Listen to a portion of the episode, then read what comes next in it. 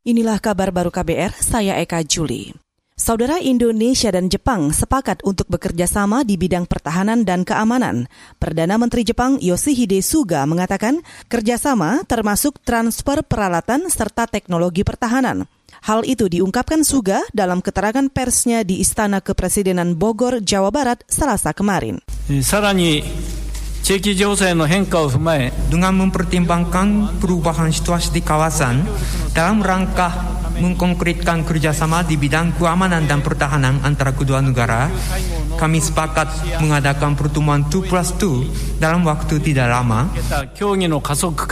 海上法執行分野を含む人材育成の推進についても一致しました。Perdana Menteri Jepang Yoshihide Suga juga menambahkan kerjasama termasuk di dalamnya pengembangan sumber daya manusia. Selain itu juga dalam bidang penegakan hukum di laut. Satgas COVID menyatakan kasus aktif di Indonesia lebih rendah dari kasus aktif dunia.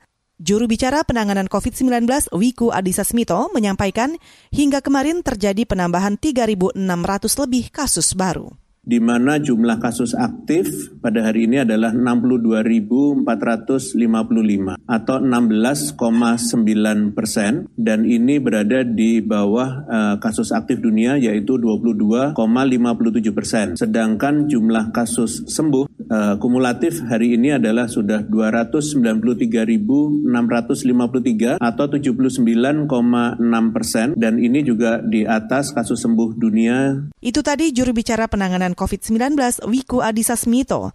Pemerintah mencatat hingga kemarin total terkonfirmasi COVID sejumlah lebih 368 ribu kasus. Angka sembuh lebih 293 ribu orang dan angka meninggal lebih 12 ribu pasien. Kita ke Liga Champions.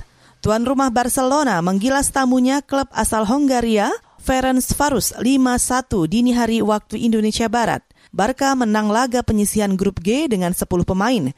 Lionel Messi mengawali kemenangan melalui tendangan penalti di menit ke-27. Pada menit ke-68, Gerard Pique diusir dari lapangan lewat kartu merah. Hasilnya, Ferenc Varus memetik gol melalui hadiah penalti. Meski harus bermain dengan 10 pemain, namun Barca tetap tak terbendung hingga peluit berbunyi tanda usainya pertandingan. Saudara pemerintah Amerika menggugat Google Perusahaan raksasa mesin pencuri itu dituduh menyalahgunakan donasinya untuk mempertahankan monopoli atas pencarian internet dan iklan daring. Gugatan diajukan oleh Kementerian Kehakiman Amerika dan 11 negara bagian lainnya.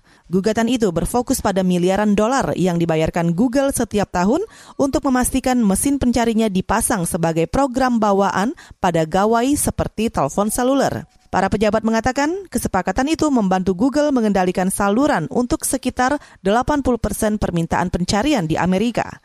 Google menilai gugatan itu lemah. Perusahaan ini menegaskan sektor yang dikuasainya tetap sangat kompetitif dan mengutamakan pelanggan. Google juga berdalih orang menggunakannya dengan memilih dan bukan karena paksaan. Saudara, demikian kabar baru. Saya Eka Juli.